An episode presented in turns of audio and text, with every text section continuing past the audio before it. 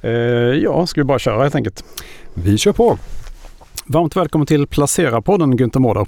Tack så mycket, roligt att vara här. Eh, du är avgående VD på Företagarna och är bland annat aktuell med en ny bok om sparande. Eh, varför slutar du nu? Eh, där vi har suttit eh, över, över åtta år inne på mitt nionde och eh, det råkar vara längst i företagarnas historia sedan 1905. Så jag hade förväntan om att det skulle bli fem, sex år. Det har varit fruktansvärt roligt. Vi har gjort en enorm resa. Växer stadigt nu som medlemsorganisation, vilket är ovanligt. Och sen har vi en stark ekonomi. Jag kände någonstans att så här, att lära sig nya saker och att hela tiden utvecklas på jobbet är oerhört viktigt för mig. Och när man gör allting för nionde gången så är det inte samma inlärningskurva. Eh, det i, mm, i kombination med suget efter entreprenörskap, ytterligare investeringar gör beslutet enklare att nu ta nästa steg. Vet du vad det är som väntar här eh, i höst då, när du slutar? Nej, jag har inte offentliggjort någonting. Eh, jag eh, har en rad styrelseuppdrag idag, både i noterad och onoterad miljö. Jag är ordförande i Spotlight Group som äger Spotlight Stock Market. Och jag sitter i styrelsen för Research Laboratories, styrelsen för Lundqvist Trävaru och för Kunskapsgruppen Sverige. Sen blev det klart att jag går in i Arbetsförmedlingens styrelse, vilket blir ett litet udda uppdrag. Men där hoppas jag kunna bidra med helt andra typer av perspektiv. Det finns ingen där som har egen entreprenöriell bakgrund. Och det är småföretagen som skapar fyra av fem nya jobb. Så då borde det perspektivet finnas med i de som är ytterst ansvariga inför myndighetens verksamhet. Så det ska bli jättespännande. Eh, sen får vi se om det blir ytterligare investeringar vilket ligger i eh, både faran och viljans riktning. Men jag har inte stängt dörren för något operativt engagemang heller. Nej. Jag tänker att eh, idag ska vi prata lite grann om eh, aktier och eh, aktiebolag. För du gillar ju att investera. Absolut. Och eh, vad, vad, ser du när du ser på aktiemarknaden idag? Ja, men det är en extremt tudelad aktiemarknad. Det var länge sedan jag såg så här stora variationer beroende av vilken typ av bolag man betraktar. Börsen som helhet eh, är väldigt nära all time high. Samtidigt så ser vi att alla bolag som inte har en affärsmodell som har nått sitt kommersiella genombrott de har det oerhört tufft och många av dem har tappat 60, 70, 80 procent av sitt värde. För att det är mycket tufft att ta in nytt kapital på den här marknaden. Kan du inte visa lönsamhet så är det enorma rabatter eftersom kursen redan har gått ner i kombination med att du ofta måste ha en emissionskurs som ligger långt under rådande marknadspris och det riskerar att bli kapitala eh, utspädningar vilket gör att många av ägarna inte vill ta in pengar på de här nivåerna. Eh, och det här samtidigt som vi ser kassaflödespositiva, mogna bolag som ligger på all time high. Alltså den, den skillnaden har jag inte sett vid något enskilt tillfälle sedan jag började 1996. Vi kan gå tillbaka till perioden 2000 till 2003. Där var det faktiskt så att en tredjedel av börsens bolag steg i värde när börsens index sjönk med 66 procent fram till mars 2023. Och eh, det var ju framförallt verkstadsindustrin som levererade urstarkt. Så tar man de stora klassiska svenska verkstadsindustribolagen så låg ju många på, av dem på all time high. Samtidigt som vi såg Ericsson i spetsen leda en technedgång som var gränslös. Eh, men även under den perioden så gick det att göra emissioner även om det var väsentligt mycket svårare än det var bara 3-4 år tidigare. Men det är en tudelad marknad eh, och många av privatspararna har ju befunnit sig i mer förhoppningsbolag och fått ta en rejäl eh, mm. däng av den här Särskilt högt belånade bolag. Mm. Absolut och det är också en sån här balansräkningsdel. Vi ser ju många bolag som är oerhört så här, kassaflödespositiva idag men där du ser en svag balansräkning på grund av att du har alldeles för stor eh, lånefinansiering antingen via obligationer eller bankfinansiering där du kommer att behöva Eh, lägga om lånen till mycket högre räntevillkor och i värsta fall för obligationsbolag eh, som gett ut obligationer inte ens klara av att kunna ge ut nya obligationer till vettiga villkor. Och då sitter man i en rävsax i förhållande till banken. Och vi kommer få se många, ta till exempel fastighetsbolagen. Vi mm, kommer, mm, jag tänkte precis fram, ja, precis. Vi, vi, kommer få se flera av dem som eh, jag ska inte säga dukar under, men som tvingas till att göra massiva försäljningar av eh, värdefulla tillgångar och så blir det närmast vrakpriser på grund av att man forcerar den här försäljningen. Ser du något, eh, några möjligheter här då inom fastighetssektorn till exempel? Är det något du köper just nu? Ja, absolut. Sen kan man ju säga att det mest intressanta kan ju vara att titta på andra sidan och ha mycket kapital. Fråga Roger Akelius just nu hur, mm. hur han mår när han har stark kassa. Eh, jag tror att det är en rätt god position att kunna sitta vid sidan och kunna köpa spillror från mm. tidigare byggen av fastighetsbolag som har skett till egentligen eh, alldeles för hög risk på grund av att pengar var gratis. Självklart så kommer en nollränta eller till och med en minusränta att ha kraftfullt negativa konsekvenser när det kommer till tillgångstunga bolag där det har funnits access till kapital. Och just fastighetsbolag är ju av den arten att där får du naturlig säkerhet. Så det har varit så lätt för banken att bevilja nya lån. Vi har inte alls sett samma skulduppbyggnad när det gäller andra typer av investeringar i maskinell utrustning eller i digital infrastruktur som också är menat att generera kassaflöden för bolaget i framtiden. Men den typen av investeringar kan man inte på, med samma enkelhet, framförallt inte när det gäller IT-investeringar, lägga upp som säkerhet i relation till, till banken och därmed är den typen av lånefinansiering mycket svårare. Mm. Sen är det klart, går man ut och tittar på fastighetsbolagen totalt så har ju i princip alla med något undantag formligen så här rasat på börsen. Och de flesta mm. handlas till kraftfull rabatt mot det bokförda eh, redovisade runt, värdet. Runt 40 procent är det va? Ja, någonstans mm. där och, och, enskilda bostadsbolag ligger på 60 procent rabatt även om man inte befinner sig i någon kapitalkris eller har ägare som kanske kommer tvingas sälja. Så att om jag skulle bygga en portfölj idag med målet om att dubbla kapitalet inom fem år så skulle jag under det kommande året göra en successiv entré och göra kanske en entré i tio stycken av de här bolagen och inte de mest utsatta utan i segmentet ovanför dem. Gärna ska det vara 100% bankfinansiering. Du kan lägga på några av de större korten som har obligationsfinansiering men då ska det vara tryggare bolag. Eh, bygger en sån portfölj med 10 bolag och du gör en entré under de kommande tio månaderna med tiondel av kapitalet. Mm. Så 10, 10, 10. Mm. Eh, då är nog min bedömning att när du är färdiginvesterad och sen tittar fem år framåt från nu så är mm. sannolikheten väldigt god att ha dubblat kapitalet. Då är det runt 15 avkastning per år då? Ja, det är det som krävs för att dubbla kapitalet och då får man ju se det som en kombination av utdelning och eh, eh, kurstillväxt. Och där framförallt direktavkastningen kommer vara det mest intressanta i värdeskapande perspektivet. Mm. För när man väl börjar få se, inte minst i bostadsbolagen, där hyreshöjningarna kommer med fördröjning. Eh, tar vi kommersiella fastigheter så slår det igenom mycket snabbare med, med eh, indexjusteringar. Men inom bostäder så har vi den reglerade bostadsmarknaden som gör att det blir mycket större tröghet i rörligheten. Vilket gör att även när inflationen har kommit ner, och det är min bedömning att i slutet av det här året, i början av nästa år, så börjar vi närma oss nivåerna kring 2 Den svenska kronans låga värde kan förstöra nu mm. i ett mm. kortsiktigt perspektiv. Men tar vi om ett år från nu när vi befinner oss i sommaren 2024 så skulle det förvåna mig om vi inte ligger väldigt nära 2% plus minus 1.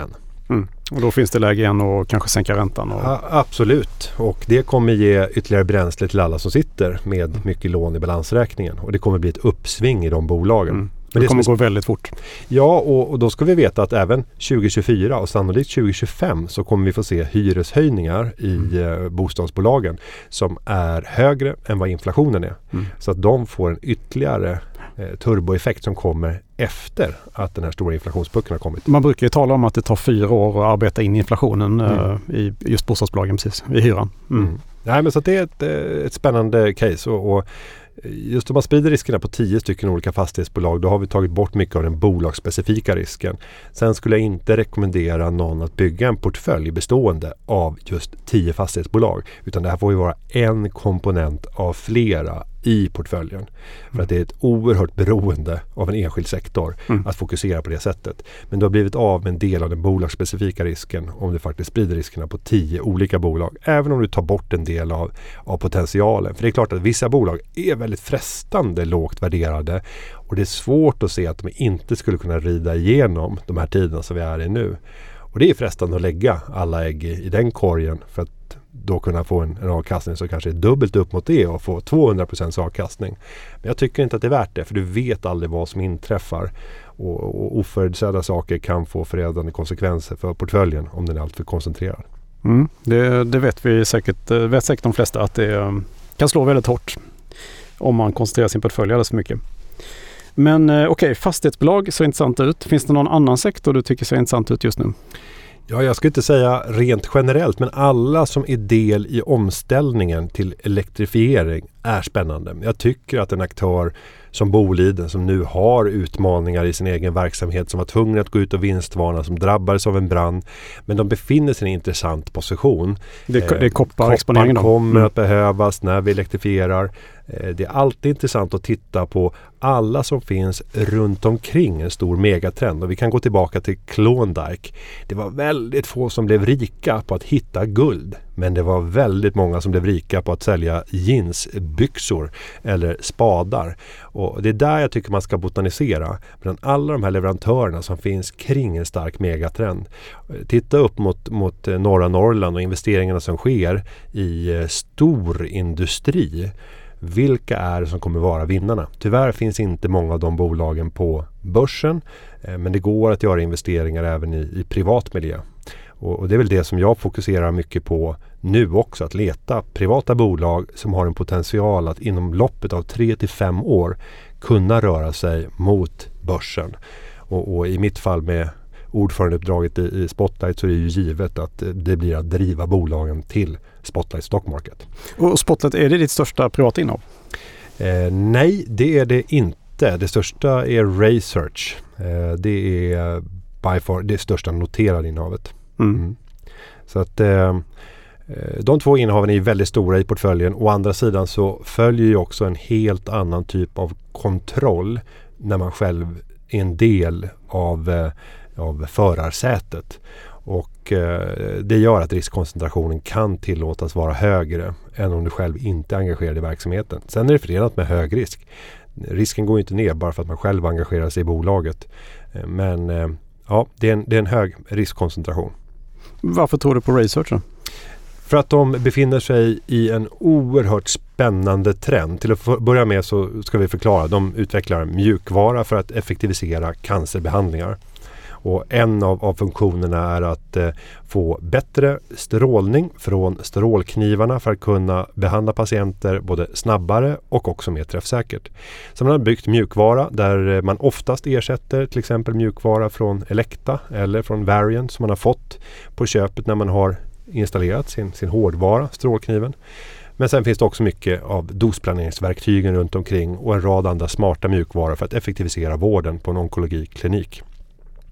Just nu så blir vi äldre och äldre och det syns framför allt i den mindre utvecklade delen av världen som jag nu skulle kalla rätt välutvecklad i många lägen.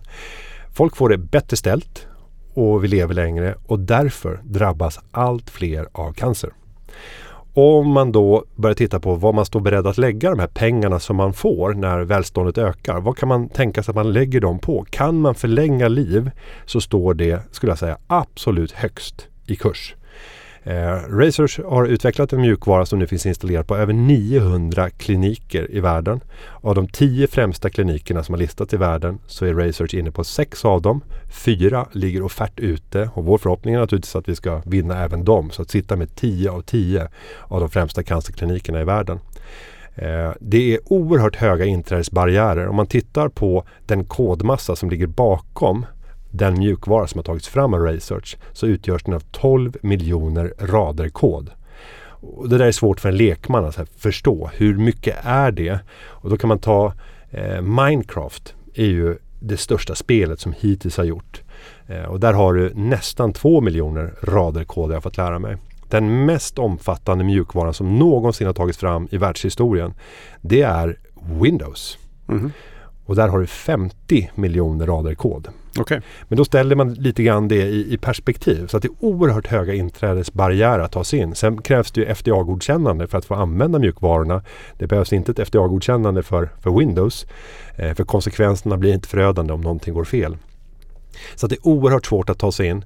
Eh, nu är Research ensamma på vissa marknader om att överhuvudtaget kunna erbjuda sin mjukvara eh, inom vissa behandlingsformer, till exempel inom protonbehandling. Mm. Och att vara ensam på en marknad och där utbyggnaden av protonkliniker växer rätt eh, ordentligt det är spännande för det mm. ger en pricing power som är, är fantastisk. Så tillväxten är bra, men varför går det så dåligt för aktien då? Ja, men det är en ny story som har skapats under pandemin. Under pandemin så bromsades ju allt mm. vad cancervård hette och det var till och med så att många inte gick in på sina rutinkontroller. Och alla pengar som investerades lades på enheter som kunde under, understödja eh, covid-hanteringen.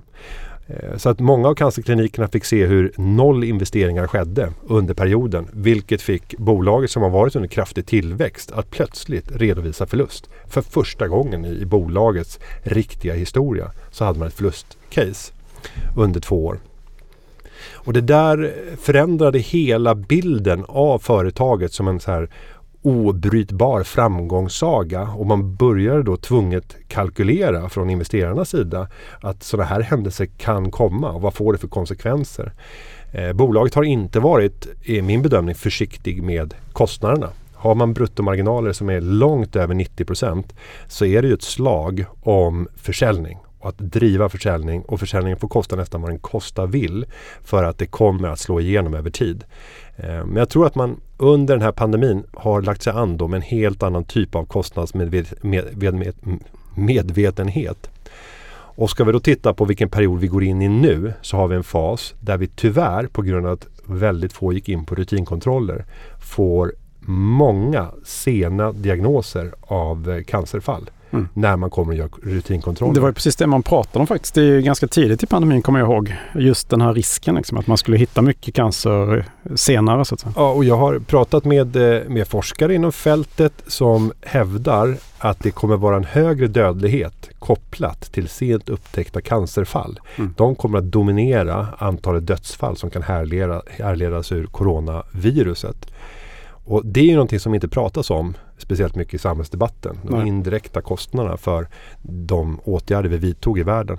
Mm. Nej, men så bolaget är, är väl positionerat. Man eh, har ett, ett börsvärde idag eh, som ligger på ungefär, ungefär en fjärdedel av vad man hade 2017. Mm. Samtidigt så är bolaget nästan dubbelt så stort. Man har utvecklat ny mjukvara som inte ens fanns då. Som är potentiella blockbusters och som kan säljas mot befintliga kliniker idag som redan använder den första programvaran, Ray Station. Nu kommer Ray Care som den stora produkten och som är ett mycket större scope med en mycket större intjäning per klinik.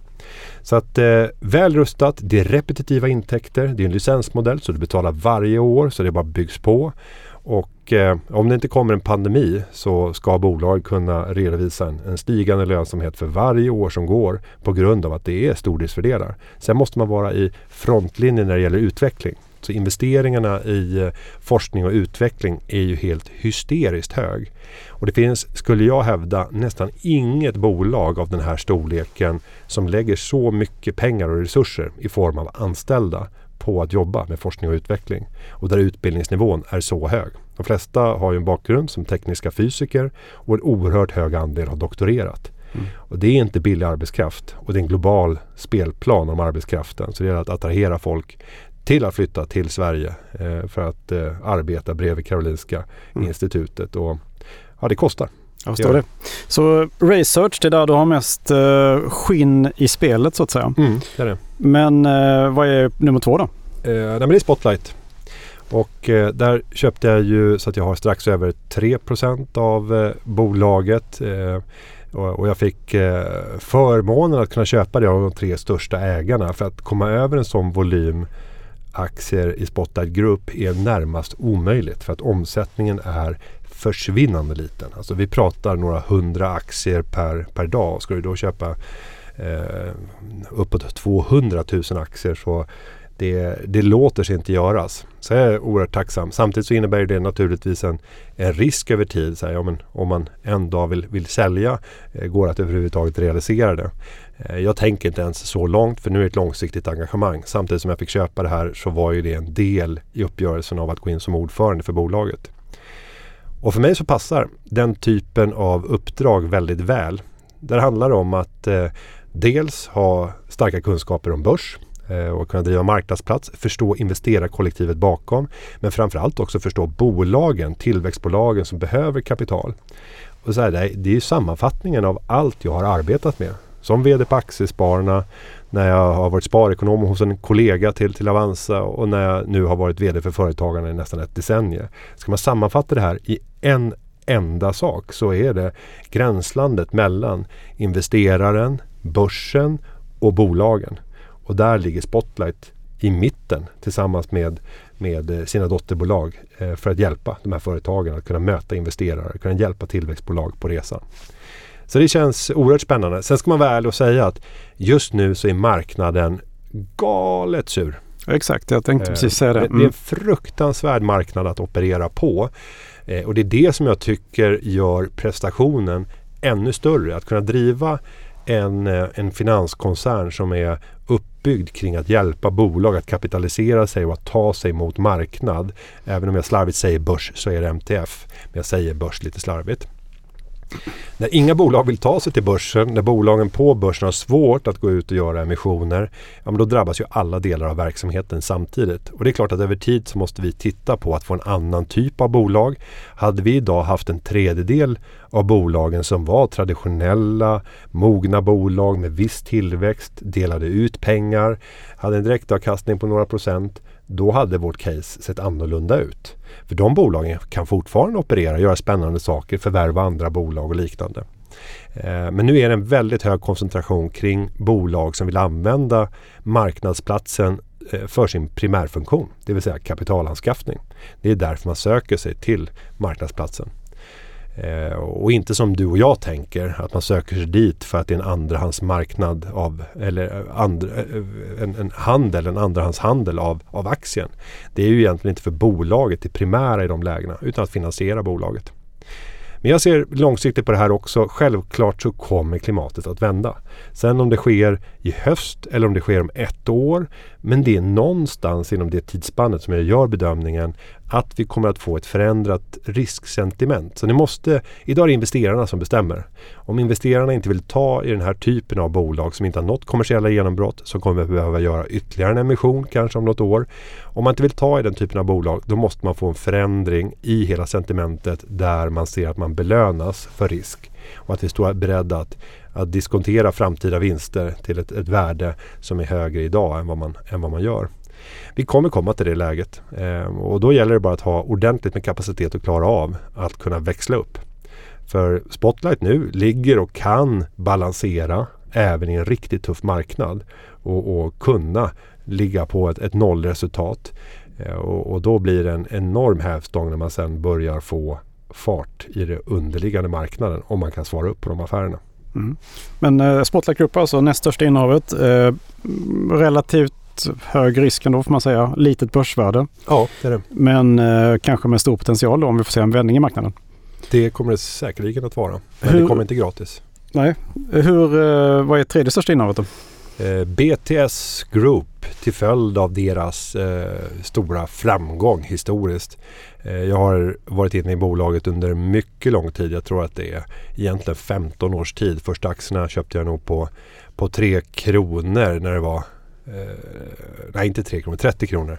Och den handlas till 260 nu, 270. Ja. Mm. Eh, så jag har gjort många resor, både in och ut, men alltid haft kvar en, en post. Och tack vare, även om de har satt sig nu senaste året, eh, så, så har det varit en, en väldigt framgångsrik affär. Om man ska förklara BTS lite snabbt så är det en managementkonsultfirma. Men de opererar annorlunda. De har högt teknikinnehåll där de programmerar simuleringar av olika typer av affärsbeslut. Och då skulle det till exempel kunna vara ett stort eh, dryckesföretag i eh, Atlanta som tycker att eh, deras försäljning av cola går väldigt dåligt i Sverige under december. Mm. Och då vill de testa vilka typer av insatser kan få en lokal eh, trend att eh, brytas. I, I vårt fall så måste man då bryta hela julmusttrenden och då går man ut och tittar. Alla försök som har gjorts i bolagets historia på andra marknader där en dryckestrend har trängt, ut, eh, trängt undan den egna produkten. För att samla in data, för att göra kalkyl kalkyleringar för vad olika insatser kostar och vad utfallet blir. Och sen får ledningen helt enkelt bara testspela olika scenarier där man testar olika typer av beslut och där man med hjälp av den data man samlar in kan simulera utfallet av olika typer av beslut.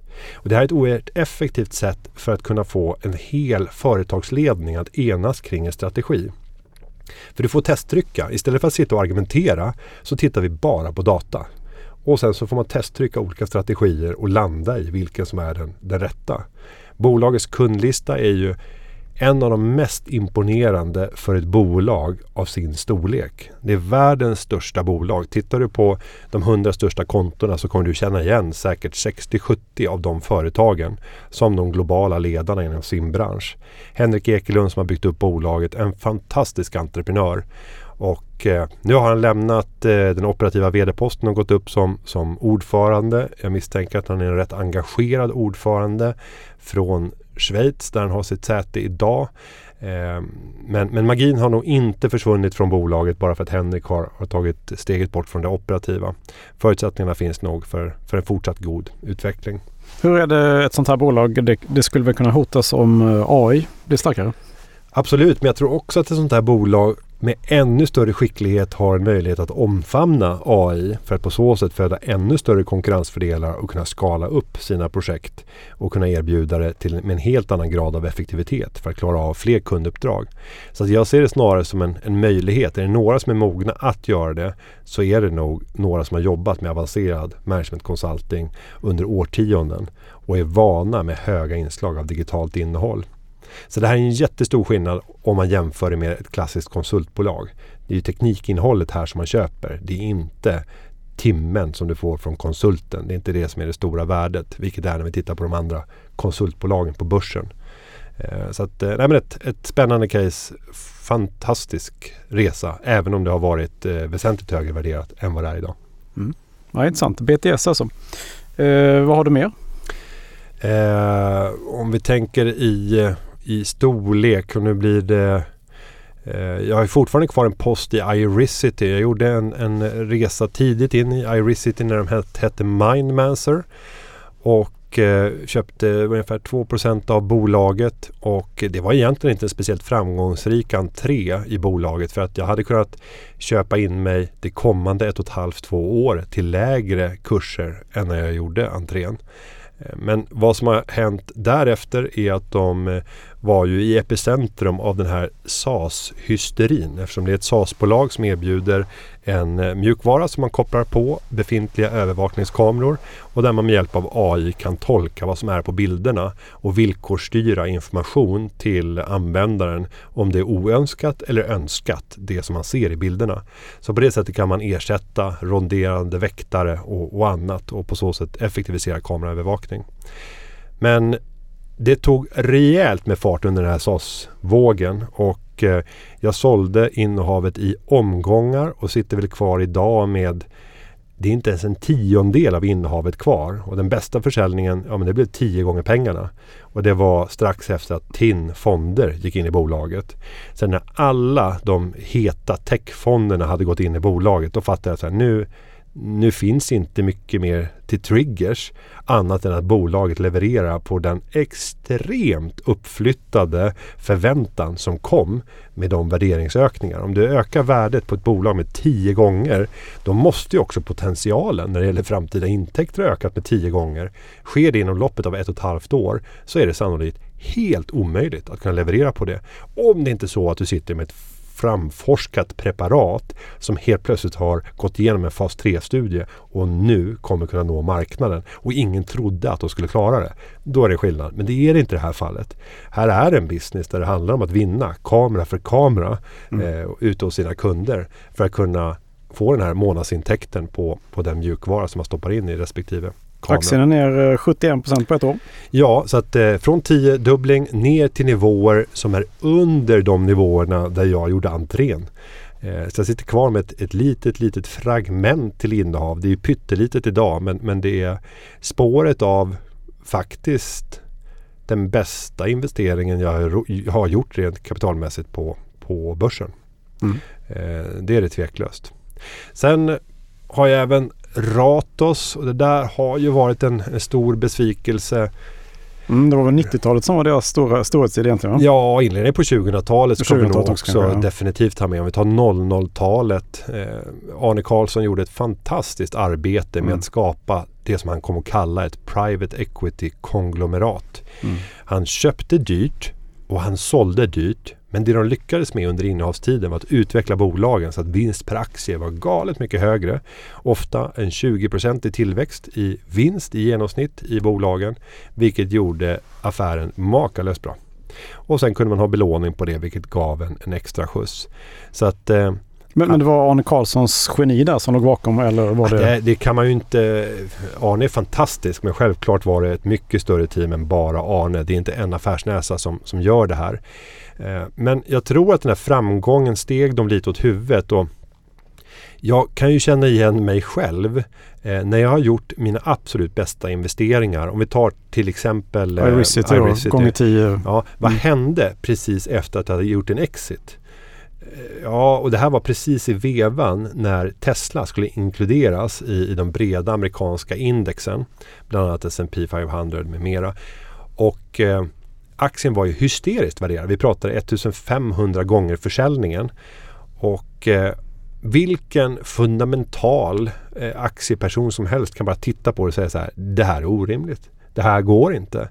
Och vad gör jag då med mitt starka självförtroende? Jo, men självklart går jag in och blankar. Så blanka försiktigt. Nej, jag blankar stenhårt. Eh, gör jag det med belåning? Absolut. Fem gånger. Och det här gör ju att... Så fem gånger belåning eh, med ganska, på Tesla? Mm. Ja, med ganska stora belopp. Eh, så att det här blev ju en svidande förlust. För jag gick ju in... Är det din största förlust någonsin? Eh, absolut. Mm. Och, och framförallt på kortast tid. För här pratade vi om några veckor i eh, årsskiftet mellan 2020 och 2021. Eh, det var helt hysteriskt eh, dåligt. Och det som hände, så här, ja, jag kunde ju se över tid att jag fick rätt. Exakt, du fick ju rätt. Jag fick rätt. Ja. Men det var en klen tröst när man såg att ja, jag hade valt en strategi i det läget på grund av mitt starka självförtroende som eh, var eh, galet.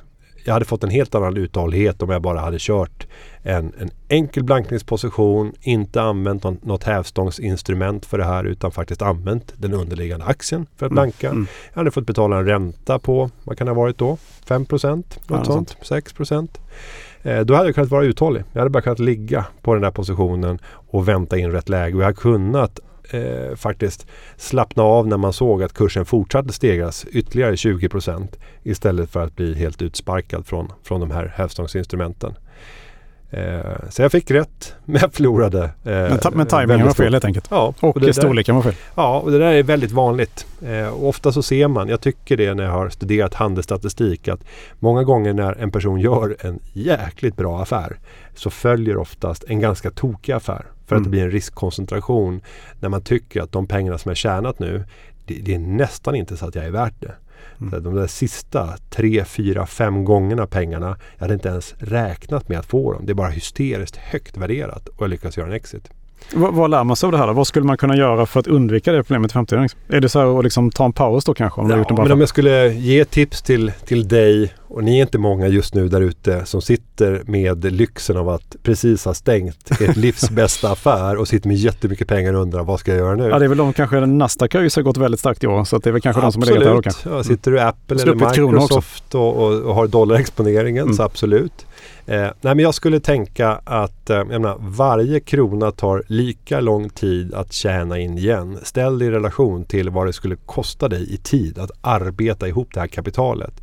Och tänk redan inledningsvis att du sätter en, en limit för hur stora belopp som du får investera i enskilda bolag. Och det gör ju att när portföljen växer så växer också spridningen i innehav. Mm. Vilket gör att du automatiskt minskar risken. Från att kanske ligga på, på 6 till 10 innehav och sen dubblas portföljen. Ja, då kanske du måste dubbla eh, antalet innehav och ha mellan 12 och 20 innehav istället. Men Günther, du kunde ju egentligen det här redan för du har ju faktiskt varit sparekonom på Nordnet då. Absolut. Men Så jag, gjorde ändå ett, det här. Ja, mm. men jag har också ett väldigt gott självförtroende. Alltså, jag tror ingen där ute skulle, skulle hävda att jag inte är, är, rätt, är rätt självgod. Mm. Men, men sen är jag också ärlig kring, kring mina fallissemang. Mm. Eh, därefter så gjorde jag ju ytterligare en investering som gick eh, helt snett i Vad var det för något då? Top Right Nordic. Det utgör Fast idag... är försäkringsbolag? Eh, nej, nej. Det, det, är ett eh, bolag som jobbar med, bland annat med smart glas och eh, effektiva ljuslösningar men hade också inom smidesteknik. Okej, okay, förlåt jag, jag eh, tänkte på Top Danmark. Mm. Ja, nej, mm. så att de, de kallar sig ett smart techbolag. Men när mm. jag gjorde entré i bolaget så eh, hade de ett oerhört aggressivt tillväxtmål. Att eh, växa med ungefär 3-4 gånger försäljningen inom bara några få år. Och eh, den största kunden som man hade var Polestar. Så det fanns en ganska trovärdig historia bakom att det här kommer nästan att kunna gå med befintlig kundbas. Man hade också väldigt många ICA-butiker som stod inför nödvändiga byten av lysrörsarmaturer för att byta ut dem mot smart LED.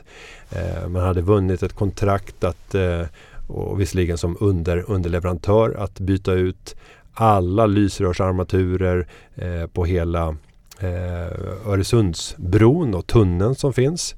Så att det fanns många spännande kontrakt. Volkswagen var nära där. Man var ute med testorders. Man pratade lite grann om Hennes och Mauritz för att bygga smarta showrooms.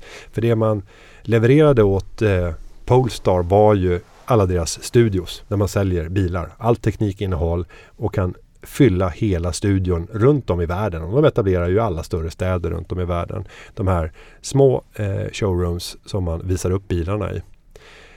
Och man lyckades Eh, väldigt väl att nå de tillväxtmål som man kommunicerade ut. Men misslyckades fullständigt med att prissätta det på rätt sätt. Eh, så att man har ju haft en, ett ordentligt underskott som bara vuxit i takt med att omsättningen har vuxit. I kombination med att man har gjort det ena förvärvet av det, efter det andra eh, som man inte har lyckats med integrationen av. Och man borde ha fokuserat mycket tydligare på att växa organiskt, förhålla sig och förbli vid en läst och bli duktig på det och ta rätt betalt. Så att eh, där borde, borde jag nog ha eh, tittat tydligare bakom det här gänget entreprenörerna som fanns bakom för att göra bedömningen. Har man kapaciteten att kunna leverera kraftig tillväxt i kombination med lönsamhet? Och där finns det inte något track record att visa upp i det här fallet. Eh, men jag blev såld på kundlistan och eh, den snabba omsättningsökningen. Eh, men det har blivit en, en riktig näskrälla. Aktien är ner 90% på ett år. Ja, en fruktansvärd utveckling och, och jag har svårt att se att de ska kunna lyckas vända det här. Mm. Det är ett börsvärde som summerar till några tiotals miljoner. 16,9 just 16,9 miljoner i börsvärde. Mm. På ett bolag då som omsätter över 200 miljoner om vi går tillbaka för, för bara något år sedan. Ja, det är lite annan PS-värdering i, i, relation till Tesla. Mm, kan man säga. Men nu uh, har man väldigt stora problem. Man har rekonstruktion i, några bolag. Uh, ja, nu är det så pass lite så att jag, man, får, man får glömma och gå vidare. Mm. Du tänker inte säga att nu ska jag köpa Investor istället? Nej, det är inte min, min stil. Alltså jag kan alltid köpa Investor men det jag gillar det är ju mindre bolag som man kan vara med om en resa gärna innan institutionellt kapital tar sig in. Jag gjorde en sån resa med Knowit och var inne väldigt tidigt innan institutioner hade hittat till det. Det var nästan inga fonder som hade det som innehav. Och var med under en tioårsperiod och fick en fantastisk avkastning som är en kombination av att det var en stark underliggande vinsttillväxt. Ovanpå det så steg multiplarna successivt när den ena institutionen efter den andra gick in. Och när institutionerna går in så blir det också som ett kvalitetskvitto att det kommer in andra externa ägare som har kapaciteten kompetensen och musklerna att kunna vara en motpart. En enskild ägare kan aldrig bjuda på, på det motståndet för att se till att sparras med bolaget för att se till att, att skapa det högsta möjliga aktieägarvärdet. När var det du köpte Norway då? Eh, ja, det var långt tillbaka. Alltså vi får gå tillbaka och jag har gjort några resor också men säg att Det var innan Nordnet-tiden. Så säg 2011. Ja, det kan nog ha varit 2009 också. Det var precis ja. samma år jag köpte den faktiskt. Ja. Under, det var under finanskrisen ja. Då var den ju så här eh, nere på 20 spänn någonting. Hysteriskt lågt. Ja, jag minns det. Ehm, För man, man trodde att de skulle drabbas. Det kom, skulle vara en ny IT-bubbla också. Kommer jag ja, ihåg. ja. precis. Ja, det var lustigt. Nej, så ett roligt, eh, ett, ett roligt case också att titta på. Mm. Har, är det något mer du har på portföljen eller som du vill nämna? Eh, Som du, eller något som tycker du verkar intressant? Ja, det, det finns fullt av, eh, Prospects. ja, av intressanta bolag där ute. Jag har inte tagit några större positioner. Jag var ute i det i Börsmorgon här förra veckan och eh, utlovade att det skulle bli ommöbleringar. Så att jag står väl inför ommöbleringar i portföljen närmsta månaden. Har du mycket kassa att jobba med? Liksom? Eh, Ja, det finns en del. Sen kommer jag avyttra några innehav. Eh, Men sen är det den här sen nervositeten när det är många som följer min portfölj så får det också så kurspåverkande Mm, effekter. Eh, Och samma sak som om man sitter i en sån här podd och pratar så får det eh, också effekter.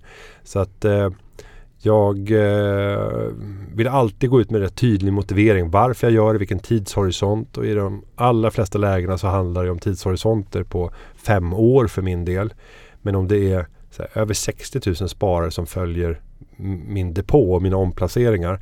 Gör jag en omplacering så är det ju folk som ser en möjlig strategi att på bara några timmar kunna vara snabbast på att köpa och sen fyra timmar senare sälja och kunna tjäna 10, 20, 30 procent om det är mindre bolag. Vilket är oftast mitt placeringsunivers.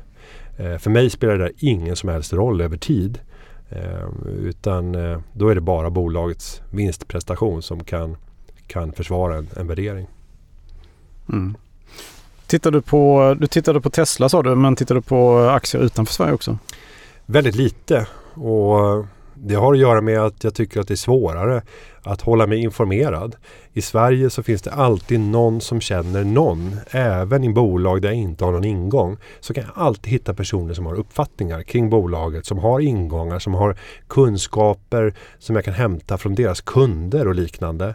Och det där gör att jag får en extrem fördel när jag investerar i Sverige. Som är min hemmamarknad i jämförelse med om jag skulle ge mig ut i, i världen och, och investera där jag inte alls har ett sådant kontaktnät. Så att eh, jag fattar att det är bra i ett riskspridningsperspektiv utifrån våra senaste erfarenheter när det gäller svenska kronan hade det varit väldigt gynnsamt. Men när jag investerar utomlands så är det oftast i bolag som ligger väldigt nära något svenskt bolag där det är nära konkurrensförhållanden så att man har koll på marknaden. Men ofta så är det indexpositioner för att det är enklast. Och jag har haft nu under lång tid eh, köpt danskt index. Bara för att det är en, en, en bra riskspridning. Där har jag fått hela Mycket Novo Nordisk då? Europgången. Ja, jättemycket Novo Nordisk. AP Möller Maersk. Vi har lite Vestas. Eh, men Novo Nordisk är väl fortfarande Nordens största bolag. Med råge tror jag. Mm. Ja, eh, svårrubbat på den positionen. Och eh, det är ju nästan som, så att man kan kalla det Novo Nordisk index. Ungefär som Stockholmsbörsen var Ericsson, Ericsson index och, och Nokia var ännu värre i, Ja. i Finland. Där var det över 55 procent av HEX-index i Helsingfors som eh, var Nokia. Mm. Så internationellt kallar man det för Nokia-index om vi går tillbaka till 00-talet. Just det. Ja, ja det var tider det. Ehm, ja, nej men vi... ehm, just det, men du har ju den här boken du har gett ut då. Mm. Vad är liksom... Det var, det, var det 300 tips? 323 tips. Eh, och eh, det är ganska roligt att, att beskriva bakgrunden för så här kan du själv fundera över om du ska skriva en bok. Vi började med att gå ut på Google och titta på vilka är de sökningar som har trendat och det gjorde vi då förra hösten. Och där såg vi plötsligt hur spara pengar som sökfras hade stigit markant. Av förståeliga skäl. Mm. Eh, Och då fattar man att så här, kan jag leverera en bok som heter Spara pengar? Experternas 323 bästa tips. Då kommer den när du googlar på spara pengar att Mm. dyka upp som Mm, ett smart. av de valbara alternativen. Och då måste du i alla fall ta ställning till vill du köpa boken eller vill du inte köpa boken? Sannolikt så sitter jag med svaren på frågorna som du just nu ställer dig. Och eftersom hela mitt liv har fokuserats kring sparande, investeringar så är jag en trovärdig avsändare sannolikt inom ett sådant område. Så det var upprinnelsen till det. Och sen var det bara att eh, i vardagen försöka se bortom det här självklara och naturliga som sparandet har blivit för mig. För för mig är det svårt att se i min vardag att jag agerar på ett konstigt eller annorlunda sätt. Så jag har nästan fått be personer i min närhet reflektera och stanna upp och säga så här. Varför gör du sådär? Och då förklarar jag bakgrunden till varför jag agerar på det sättet. Och, och då säger jag, men det här måste ju finnas med som spartips. Ja, just det. Mm. För mig är det normalt handlande. Det är ett normalt beteende. Men som är onormalt i, i normens Va, Vad är det de här personerna, vad är det som eh, kan få dem att reagera då så att säga? Nej men för mig om jag tar så här, lunch på kontoret. Om inte jag är ute på något möte och, och äter lunch med, med, eh, med någon partner eller leverantör till, till företagarna eller någon politiker eller liknande så är det alltid havregrynsgröt. Och för mig är det liksom inte något konstigt. Att varje dag, ungefär som man kan äta samma frukost varje dag. Och, och där blir man aldrig ifrågasatt. Det är en kopp kaffe, det är en smörgås med ost på. Och, och det funkar livet ut. Men så fort man äter samma lunch så tycker folk att det är konstigt och att det är avvikande. Att man borde tröttna. Så här, nej, inte om du bara vänjer dig vid att det är så här det är. Och det är en jäkla skillnad om min lunch Plus att det går fort också. Ja, det går jättefort. Ja. Så jag hinner tillbaka till arbetsplatsen inom 25 minuter och då, och då har jag fått i mig samma mängd energi som de som sitter då kanske och, och kämpar i 50-60 minuter. Med gåslevan liksom. Ja, ja, precis. Som rinner ur, ur mungipan på dem. ja, det är inte riktigt så det ser ut på företagarna. Nej. Men, eh, ja, men gröten är ett bra exempel. För mig är det bara så en naturlig vana. Det kostar mig en krona. Nu får vi mjölk eftersom vi har mjölk till kaffet och då tar vi mjölk till, till gröten eh, från, från kylen. Så att det är en krona per lunch som det kostar. Mm, lite, det svårt att lite kanel på. Och så sitter jag och tittar på alla andra som har tagit någon, någon take away eller så tycker de att de har varit ekonomiska och köpt någon frysrätt. Och så var det tre för hundra. Så men du har fortfarande betalat 33 eller 34 spänn för, för den där lunchen. Mm. Varje gång så kommer jag att dominera dig. Mm. Eftersom jag bara har en krona i kostnad. Um, men ät, äter du det här hemma också? När du är på helgerna? Liksom? Nej, alltså det kan ofta hända att vi hoppar eh, middag också. Det är det absolut billigaste. det var konstigt, ja men det kostar ingenting. Nej. Nej men sen i min, i min roll. Och då lever man länge också om man kör den här kalorirestriktionen. Ja, men, men som synes på min kropp så ser du att det, det är den här oregelbundenheten. Jag, jag är lite kraftigt lagd, sen har jag pendlat lite fram och tillbaka.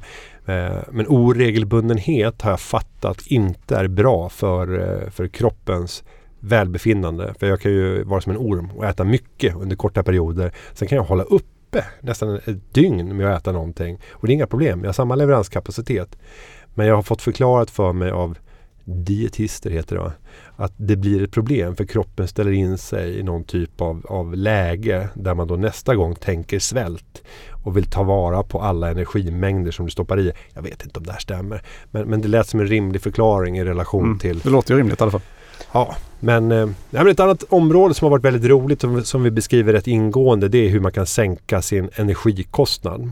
Och, och ser summa summarum nu under, under senaste året så har vi pendlat mellan att ligga på 30 till som mest 78% lägre förbrukning än snitthushållet på den plattform som jag använder. Och, och, eh, då kan jag avslöja eh, och sen så i nästa andetag säga att det finns jättemånga andra tjänster som säkert är jättebra. Eh, och då använder jag Tibber.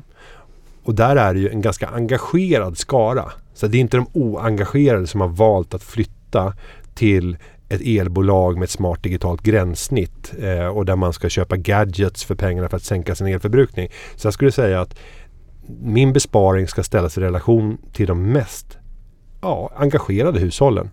I kombination med det så har jag också haft ett genomsnittligt pris som ligger mellan 20 till 40 procent lägre jämfört med alla andra som ligger på samma plattform.